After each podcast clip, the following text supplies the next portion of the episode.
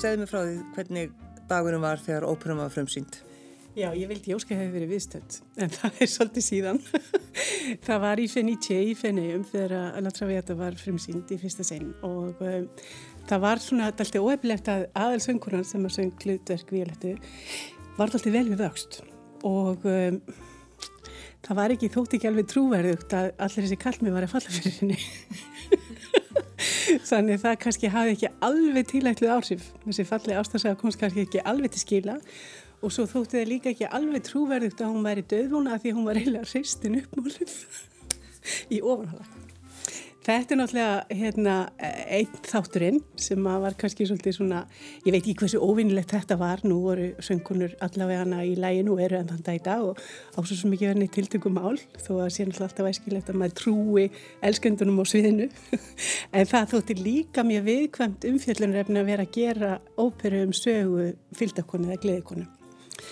Þannig að fólk var svona Svona, já, það voru, það voru blandaði tilfinningar á frumsýningunni, samkvæmt lýsingunni En svo mjög fljóklega eftir þetta bara þegar hún var tekið næst uh, og sett á svið þá varð hún bara einn vinsalestópur allra tíma og hefur haldið því síðan.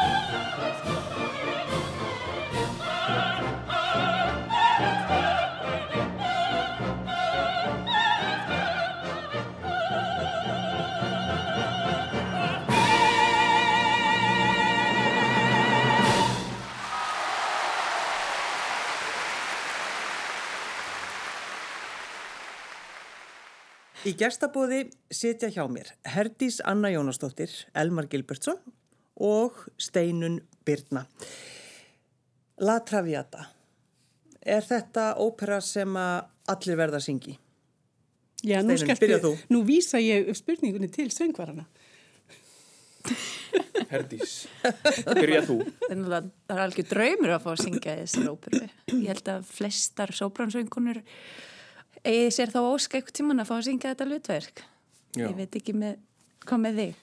Jó, ég held að sko Alfredo er svona karakter sem að sem að svona já, flestir tenorar held ég hugsi að þeir þurfa að hafa svona undir beltinu sko á einhverjum tímapunkti og en það kannski líka, það skiptir svolítið miklu máli sko, hvenar það er, það skiptir máli að sé ekki á snemma á ferlinum því að þetta er krefjandi hlutverk. Þetta er bæði langt og, og tónhæðin liggur hátt og, og, hérna, og svo náttúrulega þarf maður að vera að sína ábáslega sterkar tilfinningar bæði í söng og leik. Þannig að þetta er svo sem ekkert eitthvað fyrir einhvern lúti sko En, en þegar að Steinun Byrna hringdi í þig, þurftur að hugsa þig um? Já, ég þurfti aðeins að, aðeins að hérna, melta þetta sko. Er nú- varstu, varstu hissaði að hann skildi hika? Nei, ég ber nú alltaf veringu fyrir því að fólk eh, vandi sig þegar það, eh, f- það er öllum náttúrulega andum hvernig þeir um, að, að hlutverki hæfi þeim þannig að þeir geti látið ljósið skína til fullnustu og bæði þeir hendi hlutverkinu og hlutverki hendi þeim. Það þarf að vera svona perfect match. Já. Þannig ég skil það mjög vel að fólk hugsi sig um og, og hoppa ekkit endilega á allt sem þeim er bóði því það þarf að vera á, eins og Elmar segir á réttin tímapunkti þeirra ferli og, og allt það. Þannig Elmar þagði í smá tíma. En, kom en hins- svona þögn í síman Já, ég fann nú samt að þú varst mjög heitur. Og hvað hugsaður þið um lengi? Ég man það nú Það var ekki. Það voru ekki nokkrir dagar- ég er svona, þurft, ég er svona ráðfarið með, með hérna, kennaran minn og, og svona fólk sem að Bara vöndu sem að, vinnubrögð. sem að, sem að, hérna, sem að ég hef farið í gegnum hérna, karriérin Þannig að þurftur að- spyrja sjálfan þig, er ég tilbúin já. í þetta hlutverk? já, já, ég geri það alltaf með öll hlutverk sem er mér eru búin sem er eitthvað svona iffi sko, Já. þú veist, ef að mér finnst það að vera iffi sko, en en svo má kannski bæta því við líka að þetta er svolítið mismunandi eftir löndum og svona hefðum í, í Þýskalandi þá er fólk að syngja mjög þröngt inn í sínu fægi og fer lítið út fyrir þann tungar. En hérna á Íslandi kannski af illri nöðsinn af því að það voru ekkit kannski margir að þá fær fólk kannski tækifærið að tilbúð sem er ekkit alveg njörfuð beint í þeirra svona viðukenda fægi eða, eða einhverjum afmörkuðum stað sem getur sko auðvitað bæði verið jákvætt og neikvætt. já, En Já. ég held að félst í því fleiri tækifæri því að söngvarinn hefur þá tækifæri til að vaksa svolítið út fyrir sitt svið og spreita sig og kannski finna nýja d- möguleika sem þeir myndu annars útiloka eða væri alltaf bara verið að útluta þeim einhverju samkvæmt þröngri skilgreiningu þess ratsviðs eða fags. Já, já. já, Þannig að, að þetta svona smá öðrun. Þetta er líka svolítið sko þannig að, að það er nú einu sinni bara staðreind að sko stærstu mistökin sem á ungir óperusöngur að gera er að velja hlutverk sem eru of þung á þessum tímapunkt Já. og það skiptir óbúslega miklu máli að þekka hljóðfæri sitt og svona vita svolítið sko hvað, hvað maður getur bóðið upp á.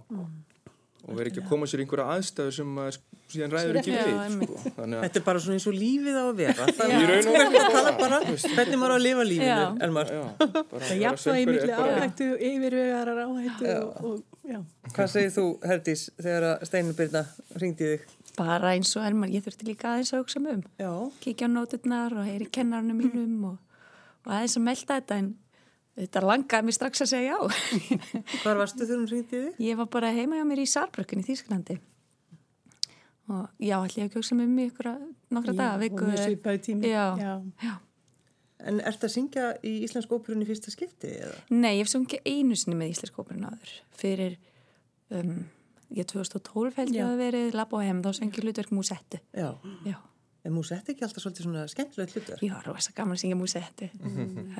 Æðislega arja og mikið fútt, hún er svona töffari og svolítið stuð. Já. Já, Sambærilega svolítið við flóru í, í travjötu. já emmitt, svolítið sambarlegt. Já. Og ekki á langt heldur en mjög þakklátt hlutverk. Já, já. Já. En, en segðu okkur aðeins uh, hvað þú ert búin að vera að gera í Þískalandi? Ég flutti þang fyrir mörgum árum að læra söng í Berlín og kláraði þar nám og fór strax að því loknu til Zürich í Sviss, var í óperustúdjónu þar í eitt ár og fekk svo, var búið starf við óperuhúsið eða leikhúsið í Saarbrücken þar sem að mitt annar íslensku kollegi hefur verið að syngja mikið, Ólafi Kjartan. Við unnum þar saman. Og ég var þar í fimm ár fekk syngja alveg fullt af hlutverkum og rosa gaman en svo sæði ég upp og byrjaði að frílansa bara núna í sumar. Hvaða, af hverju gerur það? Af hverju að, að Bara sleppa? margar ástæður raunni, fann það bara aðlega, það var svona gött feeling, ég var bara komin tími til að hætta.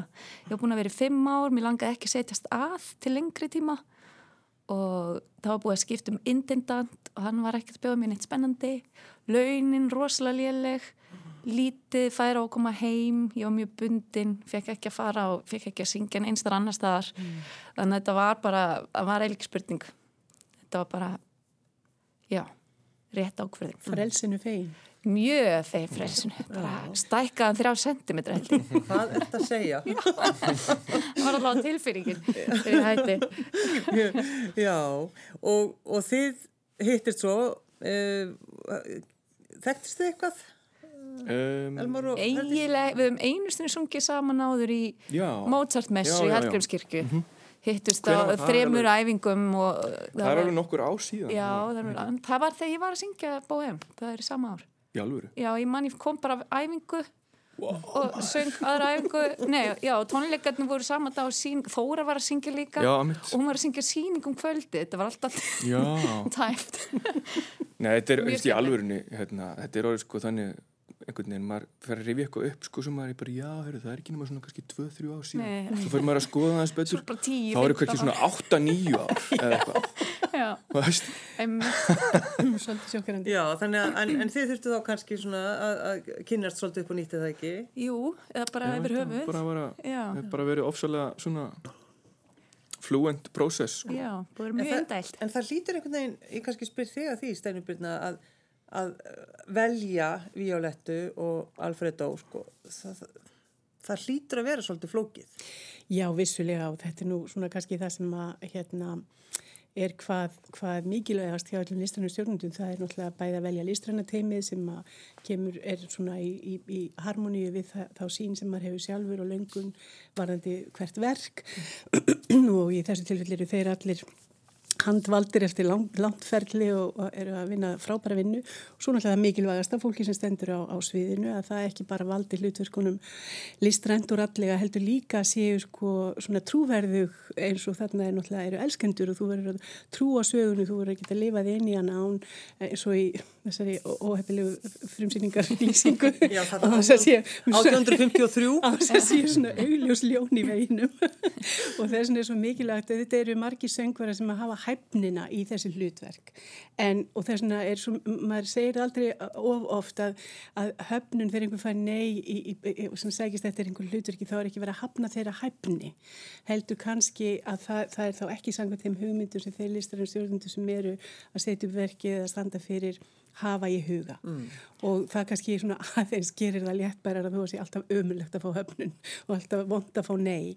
Að þá því meira sem fólk getur tekið þetta frá sinni persónu og hugsaði um að þarna eru oft bara aðrar krítiríur í gangi heldur en að þessi dómur á þeirra hæfileika eða hæfni eða rödd það er svo fjarrið í og þetta verður maður alltaf að hugsa um náttúrulega bæði þe- þessa augljósu þætti og svo hvernig virkar hver, þetta fólk saman, hvernig er allt kastið saman, hvernig eru möguleikar á að byggja upp dýnamik milli allra, allra sem eigi hlut.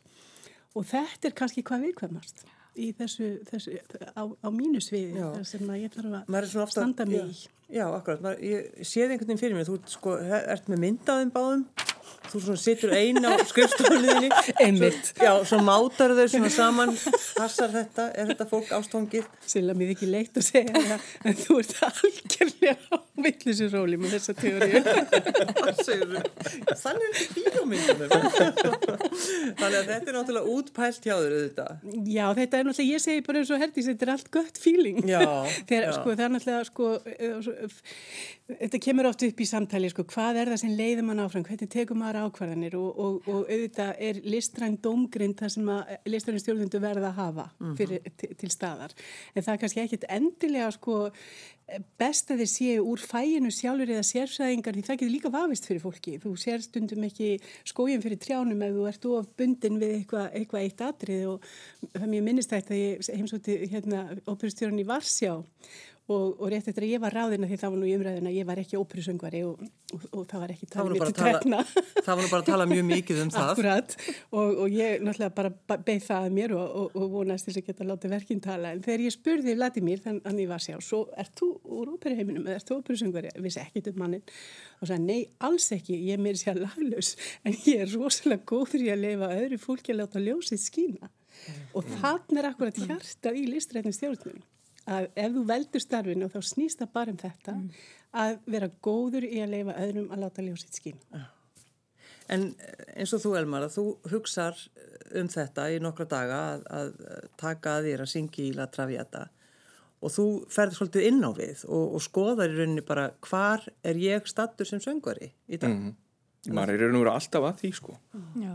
bara á hver- á hverjum degi sko. Já, og veist það, það er, ma- maður er alltaf að þú veist, skoða einhverja parta, skoða einhverja músík þú veist, eitthvað sem að þú veist, sem að hérna er kannski einhverju uppáhaldi og þú veist, það er fullt, fullt af hluturkum sem eru uppáhaldi hjá mig sem ég veit að ég hef kannski aldrei eftir að syngja og það er bara alltaf lagi hún er við hliðina og þú getur spurt hana.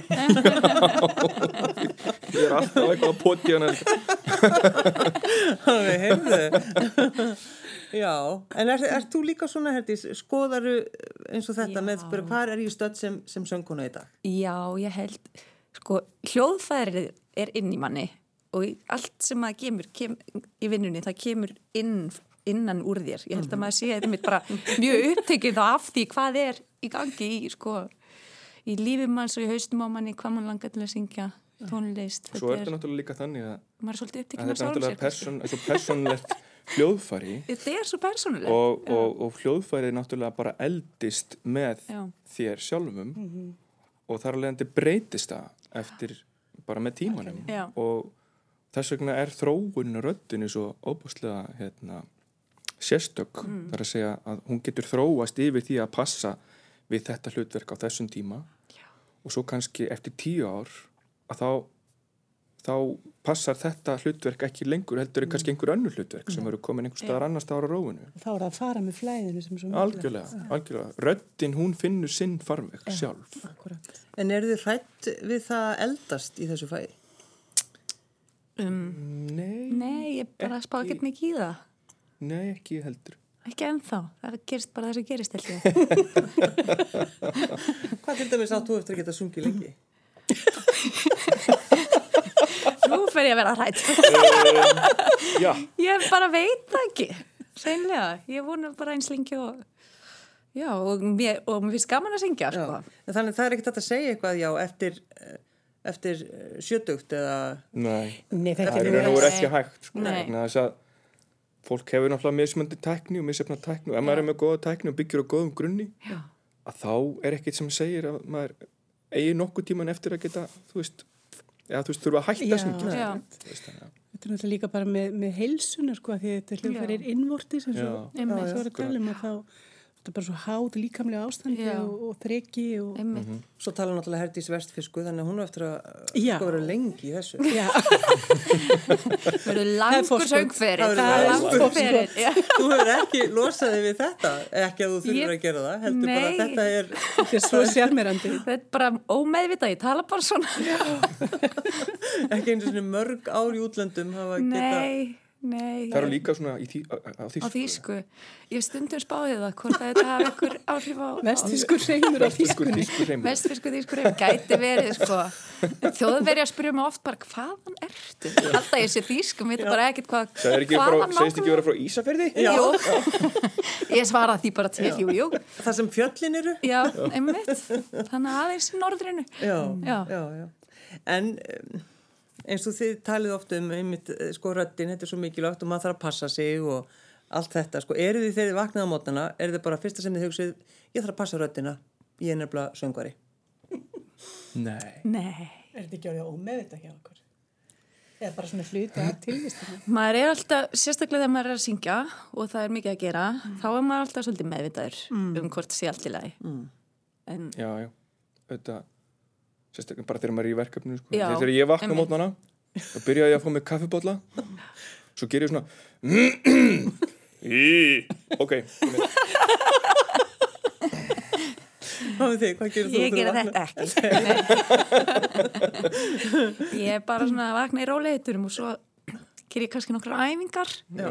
Já, Já, þú, þú gerir nokkar. Já að, ég er alltaf svo stípluð í öllum kinn og ennishólu og ég þarf aðeins að reyfa það allt til og, og svo það maður bara vakna líkamlega. Miklu frekar kannski, að. Já, og annarkort er röddið þannig ekki og, og svo fyrir síningar eða stóra æfingar þá hittar maður sig kannski að smera upp.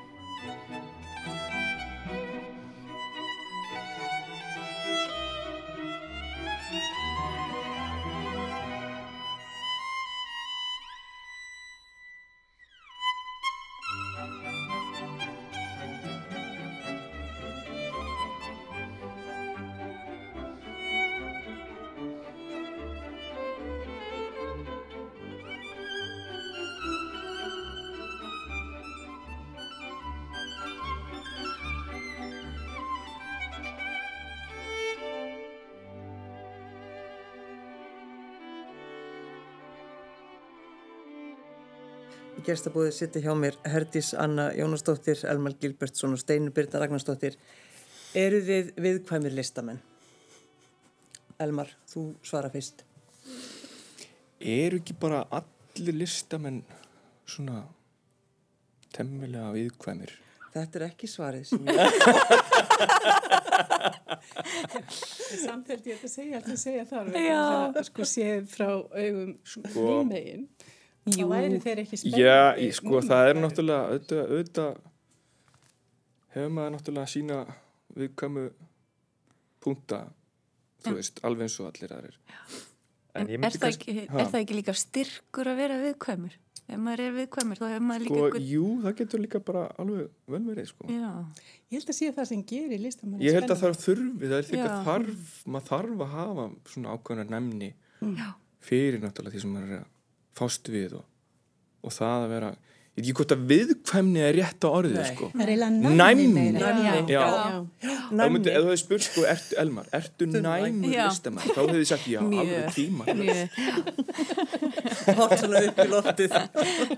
Já, Já, þetta viðkvæmni, það er svona eins og maður sé uppstökkur eða svona gerir mikið mál úr einhverju eða nei, sentimental, en það er náttúrulega ekki það sem þetta snýst um, þetta Nei. er bara að hafa djúft og víbrand tilfinningalíf sem er auðveldlega hægt að hreyfa við og það sem gefur mann efni við nýja standa á sviðinu og, og, og tólka einhverja personu þannig að 1500 manns trúi því að hún sé að gangi í gegnum það sem hún er að gangi í gegnum. Þetta er ekkert smá verkefni. nei. nei. En þarf maður ekki, þú veist, maður þarf að sína kannski einhverja hörku líka eða má það ég, ekki? ég held að maður þurfa að vera svolítið döf, sko. Já, akkurat. Og einmitt eins og Stein var að tala um að hann að fá höfnun, maður fyrir, og tala mörgum sinnum að syngja fyrir eða vonast til að fá verkefni sem maður fær ekki og, og maður þarf að byggja upp einhvern skráp til Já, að bara að vinna í þessu umhverfi, sko. algjörlega, þú veist, ef maður ætlar að vera að taka því eitthvað persónlega í Já. hvert einasta skipti sem maður fær nei úr einhverju, einhverju söngpröfu, sko, Já. þá gætur maður alveg eins bara að fara að gera eitthvað annað, Já. sko. En hefur það tekið lang, langan tíma hjá okkur að, að byggja upp þennan skráp? Já, Já, já, örglega. já, örglega. Þetta er bara svona, já, þetta er sko, ég man alveg eftir hvernig það var fyrst, sko, þetta var rosa óþægilegt og, og, og maður hugsa bara, æ, ég ætla bara að fara að gera eitthvað annað, en svo bara, þú veist, gerir maður það ekkert og, Þetta er bara næsta pröfu. sama ég er. Oft búin að hugsa þetta. já, Það er rosa skrítin tilfinning að standa fyrir fram að fólk sem er að dæma mann. Og það er ekkert endilega að hlusta eða verið ekkert áhuga á endilega eða mann man líður eins og það vengan áhuga á því Já. hvað maður er að færa Algjörlega. fram músikast eða listrætt svo en það náttúrulega- er þetta ekki þannig. En þetta er bara svolítið það skrítið er ekki bara þannig heldur, sko, líka að þú veist, stundum er maður, eða sérst, sérst, náttúrulega fær krítik, sko, í Já. fjölmjölum, þú veist, og, Já, það er líka. og hérna, þó að það hún kannski yfirleitt verið á svona pósitum nótum, þú veist, að þá hefur maður stundum fengið kannski Já. einhver svona pillur, sko, sem maður hugsa bara, býtu, þetta er bara, þú veist, ok, ég myndi alveg guttur þetta ef þetta væri satt, sko, en þetta er bara algjör Já. Þannig, Þannig ef það kemur, uh, Elmar Gilbertsson var ekki sannfærandi sem Alfredo, þá segir þú bara, "Ha, bara vitleisa. Já, ég var þá kannski svolítið að hugsa bara býtu, um, var ég að skýta á mig? Nei, í varðandi þennan fyrirsöng þetta er svo sko mikilvægt sem Dís er að tala um vegna þess að uh, ég veit að söngverðin upplifir að það sé verið að dæman en þeir sem sitt út í sal eru að meta. Já. og uh, þegar maður er sko það er bara eins og í öllu ef mann er tekst að taka sína kennitölu út fyrir sviga og sjá svona heldar situasjónina og gera neins lítið persónulega sem hægt er svo finnst mér líka að það þurfa að vinna meiri því að gera fyrirsöng mannúðleira uh, fyrirbæri.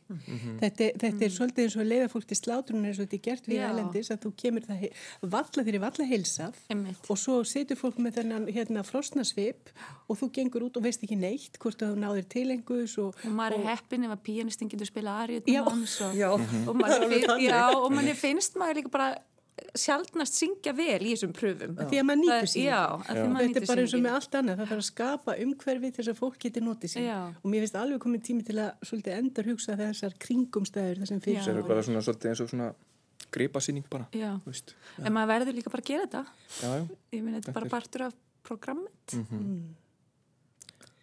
Hafið þið unnið við eitthvað annað heldur en söngin? Þess áður en til dæmis þið fóru að syngja, hvað voru þið þá að gera? já, Hva, hvað maður þið gert? gert Ég er nú búfræðingur. fólk með fortíð Erstu búfræðingur? Ég var á Hvanneri frá 99, nei, 97 til 99. Og hefur það reynst þér vel í söngunum? Alveg, tímalust. Ég byrjaði sko að fara í kallakort þegar ég var á Hvanneri. Það var það sem að kveikti svona minn áhuga á Þannig við þökkum hvannir í kjallaði fyrir. alveg sko. Já, var ekki söngbreiður? Söngblattakort. Og ég hérna, hugsa alltaf með mikill hlýju til, til þessara ára á Hvanneri. Hvanneri. Svo fór ég í yðinskólan og, og er eins og Ég var nú meðal svona- annars að vinna hérna á Rúf Já. í tvö sumur. Eftir það. Já, það er svolítið svona eins og það hefur verið að hlaupa frá söngunum. Af því þú ert, gerir svona ólíka hluti.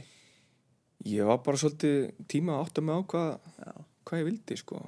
Og, og svo í raun og veru ég ætlaði aldrei að vera söngvari. Þetta var bara eitthvað sem að gerðist. Og hérna, bara segja að að það sé ekki hægt. Það er, það er, þú veist, það gerist ekki bara.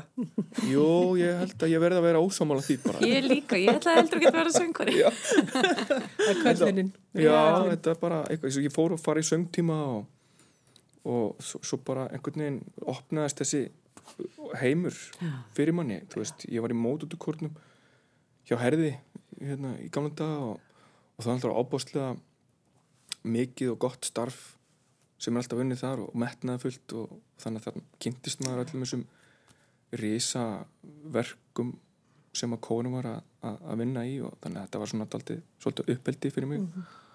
Og þetta bara svona opnaðist heill heimur og svo kom óperan, þú veist og, og þetta var bara svo óbáslega sérmennandi og þetta dáliti mann bara einhvern veginn, þú veist og, og hérna og eftir eftir, nei, þetta var alveg bara ekkert aftur snúið, sko Þetta er svona eins og segir, þetta er nú kannski köllun og já. Hvað með þig, Herdi Sanna, hvað, hvað, í, hvað, í hvað fórstu áður nú fórstu í söngin?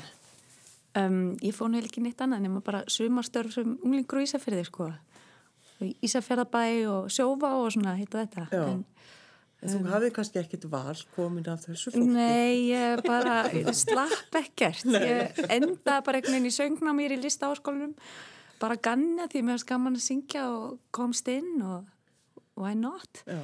og svo var það eiginlega bara kennarinn minn þar Elisabeth Erling sem að hvati mér svo mikið áfram. Og hún hjálpaði, sagði mér rétt að sækjum í skiptinám í Erlendis og ég fór í Mozartegum í Salzburg. Og það var eiginlega þar sem að ég svona byrjaði að æfa mig. Og svona ok, þetta er eitthvað sem að Góðu skóli. Já, væri gaman að gera. Og bara fullt af ungu fólki og mér fannst þetta allt í hennu þá sko raumurlegt svona fyrir mér að, að fara út í þetta. Og það bara svona, já, gerðist eila Lettið þarna bara. Já, þú lentir þarna. En fyrir þá sem ekki vita, Herdís, segðu okkur í stuttumáli frá, eh, sko, hvaðan hún kemur. Já. Frá, Ég sem sagt er fættir Reykjavíkinn uppalinn á Ísafyrði uh, fóldur mínin heiti, heita Jónas Tómasson Sigriður Ragnarsdóttir. Um, pappi tónskáld og flötuleikari, mamma pjónleikari og tónlist, skólastjóri tónlistskólan í Ísafjörði og afi minn stopnaði tónlistskólan í Ísafjörði á samt langafi mínum í hínættina fyrir mörgum árum þannig að já, Ragnar á Ragnar ef að það ringir ykkur um bjöllum með einhverjum þá Já, ég get alveg ágætt. því að það Já. gerir það. Þú ert ekki að ágjöra því. og maður hvað hvað þetta er sérmennandi langafa mínum Ég veit það. Hefur ekki heyrt hana, þú, þú legg, leggur ekki nú vel við Þau hlustir. tala bara ítölsku sviðin. Já. Tala bara já, já, Þá er rauninni komið svolítið að, að því að tala um óperuna sjálfa, La Traviata. Uh, ég veit að, að við, nú, ég nefnið alltaf, þetta er bara regla því ég tala við Steininu Byrnu, það er að tala um sko, hvað við grátum mikið þegar heyrum fallega tónlist. Það er vandræðilegt. Já, það er vandræðilegt. Sko, þessar aríur í La Traviata eru bara þannig að maður fer bara að, að gráta. já. Hvernig getið þið sungið þetta á þess að, að vola? Þetta er eitt sem ég hugsaði um áður en ég tók að mér hlutverk. er það hægt? Ég spurði mitt vinkunum mér sem hafði sungið þetta og sagði bara þetta vennsteknin á æfingum og þú veist, þetta, já, já, maður, það, þú ert bara í vinnunni líka, en þú ert líka innbeitt á einhvern annan hátt, heldur en að ef þú situr út í sal og ert að slaka og, og lusta og njóta, Já. Maður er, ég veit það ekki, ég, Já, það er allt, allt öðruvísi sko. það er allt öðruvísi. maður er svona í öðrum gýr Já. En þetta er alltaf baráttan finnst mér þegar maður er að flytja fallega tónlist, hvort sem er eins og miklu að fara í bíanu eða ég get ímyndið mér söng, að vera ekki alveg, algjörlega á valdi fegurðarinnar, að ráða við bara að koma verkinu frá sér Já, tæknilega og, og þannig að aðrir verið. Einmitt. Já. Þetta getur maður ekkit verið alveg kaldur fyrir því en maður verður einhvern veginn að stilla sig inn á og láta það ekki alveg ná sér. Já.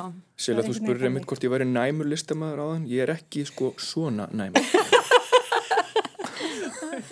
Ég held að, það, sko, ég held að, að óperu unnundi verða fegnir því að þú verður ekki vælandi á sviðum í kvöld. Það er ákveðið fórskot. Það er Ég ákveð er bara vælandi á svona annan hátt. Já, inn í þér meira. Ekki alltaf. Nei, en, en ykkar ástarsaga, þið Violetta og Alfreda, hinn sanna ást, Já, hvernig gengur ykkur að- að vera ástfangin á sviðinu? ég held að gangi bara rosa vel Ég held það líka. Já.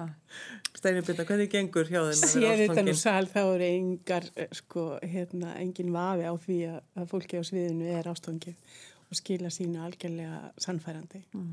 Það er einmitt mikið í umræðinu núna þessi atvinnu kemja eftir þarna performansin á, á Óskarnum, Lady Gaga og, og Já, einmitt. Já, að, að það, er, það er alveg tekið fyrir sko grantið að þau séu líka para því þeim Já. gengur svo vel að, að, að sannfæra fólkum Já. að, Mm, mm, að þau að þetta þessi kemja sem þarf að vera eins og við komum að þarna, þessari öppilegu frumsýningar upp á komu þetta er rosalega mikilvægt að, í svona sögu, þetta snýst allt um það að, að, að fólk trúi að þessi stórkostlega kona sem við þetta er þráttur að vera í svona frekar óheppilegu starfi að þá er hún náttúrulega sterkur karakter og hún hefur mikla persónlega stærð og reist þrátt fyrir kringustæðnar og að þessi maður falli fyrir henni og, og hún falli fyrir honum, þetta er bara þe- þetta er essensin, það, það verður að Það er gerast. ekki að skiptir svo miklu máli í svona vinnu að að hafa veist, svona, svona frábæran kollega eins og, eins og Herdís er. Og eins og Elmar. það sem að maður, þú veist, það sem að báðir eru svona stiltir sko á sömu svona bylgjulengd. bylgjulengd sko, og þá er það er svo ótrúlega hérna, vel hægt að vinna með það. Já. nákvæmlega. þú veist, Og þurfturu til dæmis þú að, að sko kafa vel inn í, inn í þinn karakter, hann Alfredo, um, Elmar. nei, ég held ég hafi ekki þurft að kafa neitt, hann er bara svo straight forward Já, sko. já. hvað segir maður, er hvernig segir bara maður það á hreinn og Íslandi beinn. Já, hann er bara Hreinn og sko. Það hann er bara svo honest, þetta er svo rosalega á, já, hvernig segir maður það á Íslandi Það sem þú sér þér það sem þú færð. já, reynskilin, já Já. hérna, þannig að, þannig að hérna, þetta, þetta var Er þið ekki bara svolítið svipað? bara svolítið svona instikt sko. Ekki segja það bara. Nú var hérna Gil, Elmar Gilbertsson mjög vandræðilegur í, í framann, gott við erum hérna í lokið stúdíu tól, hlustendur heyra bara röddina. Já, en, en hvað með þig, Hardís, að að fara að, tengjast Violettu? Já, sko hún er gleðikonna ég þekk það ekki af einn raun þannig að ég þurfti svona nei, ég þurfti ekki að, jú, þetta þarf maður að kafa á nýta en ég er búin að hlusta á, á sópuru svo oft og horfa á hana svo oft, þetta var ekkit nýr karakter sem ég þurfti eitthvað að leita að. Ég hafði alveg mjög sterkar tilfinningu fyrir hvað, hvað hann er að ganga í gegnum. Og, og með Oriol, leikstjórnum okkar við vorum alveg sammála eignin, þannig að við vorum alveg á sömu bylgjulengt líka. Þannig að við þurftum bara að finna og æfa og hvernig er kemur þessu til skila. Á sem bestan hátt En nú, sko, þegar maður hugsaður um óperuna eins og þú nefnir hann 1853 mm -hmm. að, að trúði enginn og var að degja á að því að hún var hristin uppmáluð allt þetta, en svo þegar kemur þessi krafa um útlitt mm. og ég, ég, bara, mað, mað, ég er alltaf að rifja upp þessa blessuðu söngkonu sem að komst ekki kjólinn sinn mm. er ekki óperin einhver í New York? New York já. Já, bara fyrir nokkur árum. Já, já það, er, það er yfir tíu ár síðan. Það var, verður svolítið vatnaskil í þessu þannig að náttúrulega gömlu dífurnar Birgit Nílsson og, og, og, og Montserrat Caballé og þessar konu sem voru sko alveg vel í yfirstærð mm. og hafði dásanlega rattir og náttúrulega Pavarotti og þetta er náttúrulega bara fólk sem voru bara góðsagnir mm. og, og fengurinni bara það sveirum í sínum hlutverkum sem þau þurftu mm. og það gerði engin kröfur um að þau færi eitthvað út fyrir sinn, sinn hérna, stíl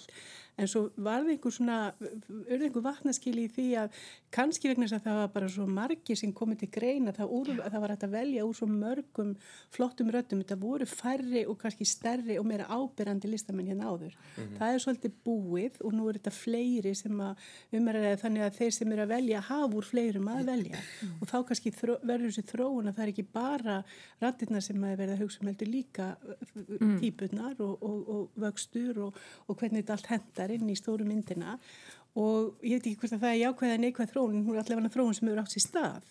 Þannig að í dag er þetta, er þetta bara þáttur sem er hugsað um og þá náttúrulega í þessu augnamiði að það sé með trúverðu mm. og, og þá er engin að segja að það sé ekki trúverðugt að, að manneski yfirst að, að, að það verði einhver ástóngin af henni eða hún geti átt í, í svona samskiptum eins og kemur fram í þessum óperum. Mm. heldur veitum við bara að það er einhverja svona einhverja hugmyndir því miður sem fólk hefur í sínum kolli fyrir því hvernig hlutinlega eru trúverðuðir og þá e, þýðir ekkert fyrir einhvern einstakling að fara gegn því Nei. þannig að þetta hefur orðið svona meir og meiri pressa á og, og ég veit að þið getið ábyggilega vitnað um það. Já, já, útlits, já. já meðutund og, og, að rækta sitt útlit er ekkit síður mm. faktor í þessu fæi í dag heldur en bara sinna sinni rödd. Það er raun og veru oft svona ótrúlega svona nákvæm sko, uppskrift sem að sem að fólk í þessum bransa setur upp sem að þannig að þú veist að og lítill, þú veist, og feitur og stór, og þú veist, freknóttur, þú veist. Og ljósherður, ég veit ekki. Nei, ég veit ekki. Ekki ofleiðinlegur, er það ekki? Þannig myndi ég velja. Þessi er ofleiðinlegur já, en sko, það er frumsýning í kvöld uh, þessi tilfinning þegar þið eru komin í fötin ykkar, þegar þið í rauninni breytist í Violettu og Alfred og sko, hvernig líður ykkur þegar þið eruð að fara að lappa inn á svið? Það er, ég veit ekki hvað er gott orðið við það, það er svona áfriðgung Það er komin sko. í eitthvað svona ákveð allavega fyrir mig, ég er svona sko þegar svona þú veist þegar að fyrir að líða á daginn og fyrir að hérna hérna fara að draga snær hérna mm. óperu síningunni sko, að sérst síningunni að þá fer svona kannski, þú veist, adrenalínið svona aðeins að fara að stað mm. og, og svo er það svolítið svona komið á gott ról, sko, þarna áður maður fyrir inn á svið og, mm. og þá er hann og tekur bara við svona ákveð, sko, bara svona sjálfstýringar ferlið, það fer bara á mm. maður stillir á, á sjálfstýringuna og, og svo er bara svo er þetta bara, svo er þetta bara hvað er þinn, takki? hann er, við varum að færa hann, hann en sko, svo bara og svo bara ánum að veita af þá er bara syngi búinn og þér, já, hvernig er þú? hvernig liðið þér? Heldig? Já, það er rosa mikil spenna já. og smá stress og yfirleitt svona hjanar það mm -hmm. þegar að síningi fyrir á stað mm -hmm. En hafið einhvern tíma á þessu tímapunktu hugsað oh, ég hefði átt að velja eitthvað annar starf ekki kannski akkurat þarna þessu tímapunktu sem er mjög ókvæmlega tímasetning Já svolítið, já, slæm tímasetning til að fara að hugsa það, akkurat bara þegar maður er á leiðinu og svið. leðinu svið, Já. bara, æ, ég glemdi að vasku Já, Já, Þarf að vera annar staðar. já, ég þarf að vera, já, ég þarf að skreppa á það er bara aðeins að skjótast, já. Það er best að, ég ætla að fara að mjólka bara Já, þannig að, að þið þurfið þetta eins og, eins og við vitum þetta bara með all- alla það sem koma fram. Það, það þarf bara að vera einhvern veginn allt í lægi. Þið Já. þurfið að vera Já, í já. jafnvægi. Já, Já, En þetta er náttúrulega líka þá, þú veist, á sínungunum er náttúrulega bara toppurinn á ísjakanum sem að, sem að ymmið. áhorfundu sjá, skilur þú veist. Góður undirbúingur. Það er náttúrulega en bara, náttúrulega- þú veist, 10% af því sem maður Það er líka mána vinna baki. Margra mánu að vinna á Já. baki svona, svona hérna, síningu og, og, og svona að vera búin að- að stúdera svona hlutverk. Já, Og þetta ferli er búið að vera, semst, þetta kreatífa ferli er búið að vera tvö ár. Það er semst mm. tvö ár síðan að ég átti fyrsta stefnumót með leikstjórunum. Þannig að fólk áttast ekki stundum á það eftir enga skyndi ákvarðanir. Og þar verða að stemma saman eins og vorum að fara í gegnum sko hugmyndir og hvert við viljum fara með síningunni, hvernig konseptið og, og hversu mikið á, á að endur skapa sviðsetninguna með að við þetta er náttúrulega hefbundin ópera og án að vera á réttum tíma og að uppfæra hana eitthvað, að- hvernig, þetta er allt mikil og, og nákvæm samtöl. Og þannig að og svo byrja sköpunarferðli og það eru kynningar og leikmyndinni, búningunum, passa þetta við? Nei, þetta er ekki alveg kannski svona hins einn og, og svo kemur þetta frábæra fólk sem er náttúrulega búið að vera að æfa sig mér um minn alla æfi með sína snild inn í þetta og byrjar en samt þarf að langan tíma til þess að virkilega eins og þessi aðallutverk þetta, þetta gerist ekki á einni nóttu. Þannig að fólk áttar sig ekki stundum á því það sem það er að sjá á sviðinu er bara brotabrót að þessu langa ferli. Já, þess vegna læ- læri maður líka að sko treysta já, sem sagt röddin í líkamannum og bara sjálfum sér þú veist, að því að þegar maður er á sviði sko, þú veist, þá er maður ekki, ekki maður er ekkert endilega að hugsa mikið um einhverja söngtækni sko. nei, það þýðir ekkit eða það er myndið að hugsa þá er maður bara búin að missa af næstu innkomu Já. já, Nei, maður er að treysta sjálfstýringuna hún Já. bara já. gerir Það er þetta þessi takki. Hvað er já. þinn takki? Það er Já. það sem þessi öll ég, ég vinna- þarf að finna hann Já. glemtur um þessi heima vinna gerir öll sömul sko. Já, en nú er það þannig sko að, að Elmar Gilbertsson er í, er í svona tátiljuskóm og meðan að þú, Herdís Anna Jónasdóttir, ert í mjög háum er svo ósangjant Þetta er svo ósangjant, ég vil ræði þetta eins að Já. ég hleyp ykkur út í daginn. Erum við að skipta? já, ertu til í það? Æ, ég veit Mér það ekki svona, mér svona helsta sko, hræðsla núna er einmitt að detta í upphæfi síningar á sviðinu Já, reyndar alltaf eftir að prófa að vera á háum hælum og svið Já. á það eftir Nú er það- Já, Svo hallar sviði líka, partur á sviðinu líka og þetta er svona smá áhættu að trið Já, ég held að fólk eigi kvöld eftir svolítið að stúdera það alveg skildum Ég nú verði svo meðvitið um þetta. Gleima allir að hlusta því syngja, skildum þetta. Já. Já, Nei, nei, ég ætla ekki að þetta en það þekki allir, það, þegar maður segir já, latravíeta, já, já, já. En það vi- vita kannski ekki allir um hvað óperan fjallar og við höfum nokkra mínútur, við langar svo að þið segið okkur að því það er, svo, það er ekkert skemmtilegra heldur en að heyra um hvað óperur fjalla. Við að gefa þér hérna sögutráðinu eða að gefa þér bara hún fjallar um ótöðlega ástfórnir og frelsi. Nei, aðeins smá bara, segið aðeins. Já, sko, Violetta gleðikona hún heldur stórt partí, hún er búin að vera veik mjög lengi og Alfredo sem að hún þekkir ekki, hann veit alveg hver hún er og hann er alltaf ákom að tjekka á henni. Hann er búin að fylgjast með henni, er það ekki? Já. já, já, Fjarskar. svo mætir hann í þetta partí. Búin að vera ástfangin af henni í ár. Já. og svo kemur hann í þetta partí og er kynntur fyrir henni og þannig að Þannig að gerist eitthvað. Já, þannig gerist eitthvað. Og já, þau þarna heilsast og hún býður, býður um að koma aftur, Gefur henni blóm. Gefur hún blóm. Það þýðir þess að hérna, hann spyr hvernig á ég koma aftur. Og þegar hann sér blómið hver, hverslas blóm þetta er þá er þetta blóm sem að sem fölnar á einum degi. Og þá skilur hann já, ég hafa sérst að koma aftur á morgun. Hún segir komdu þegar blómið er fölnað. Já, eða vissnað. mm og hann, og hann skilur þess að já, ok, morgun. Og hérna nú svo En þetta er fyrsti, Þetta er fyrsti, Fyrsti þáttur. Já, svo er eitt sem þætti þá erum við komin á Já. sveitasettur já. Þá sem bara smá tími En ég skil ekki akkur, verði leið okkur ekki að sjá sko Þrýr mánuður. hvernig Já. þið hittast í rauninu og af hverju þið ákveða að byrja saman og svona, mér finnst þetta, mér finnst vanta, Það er alveg.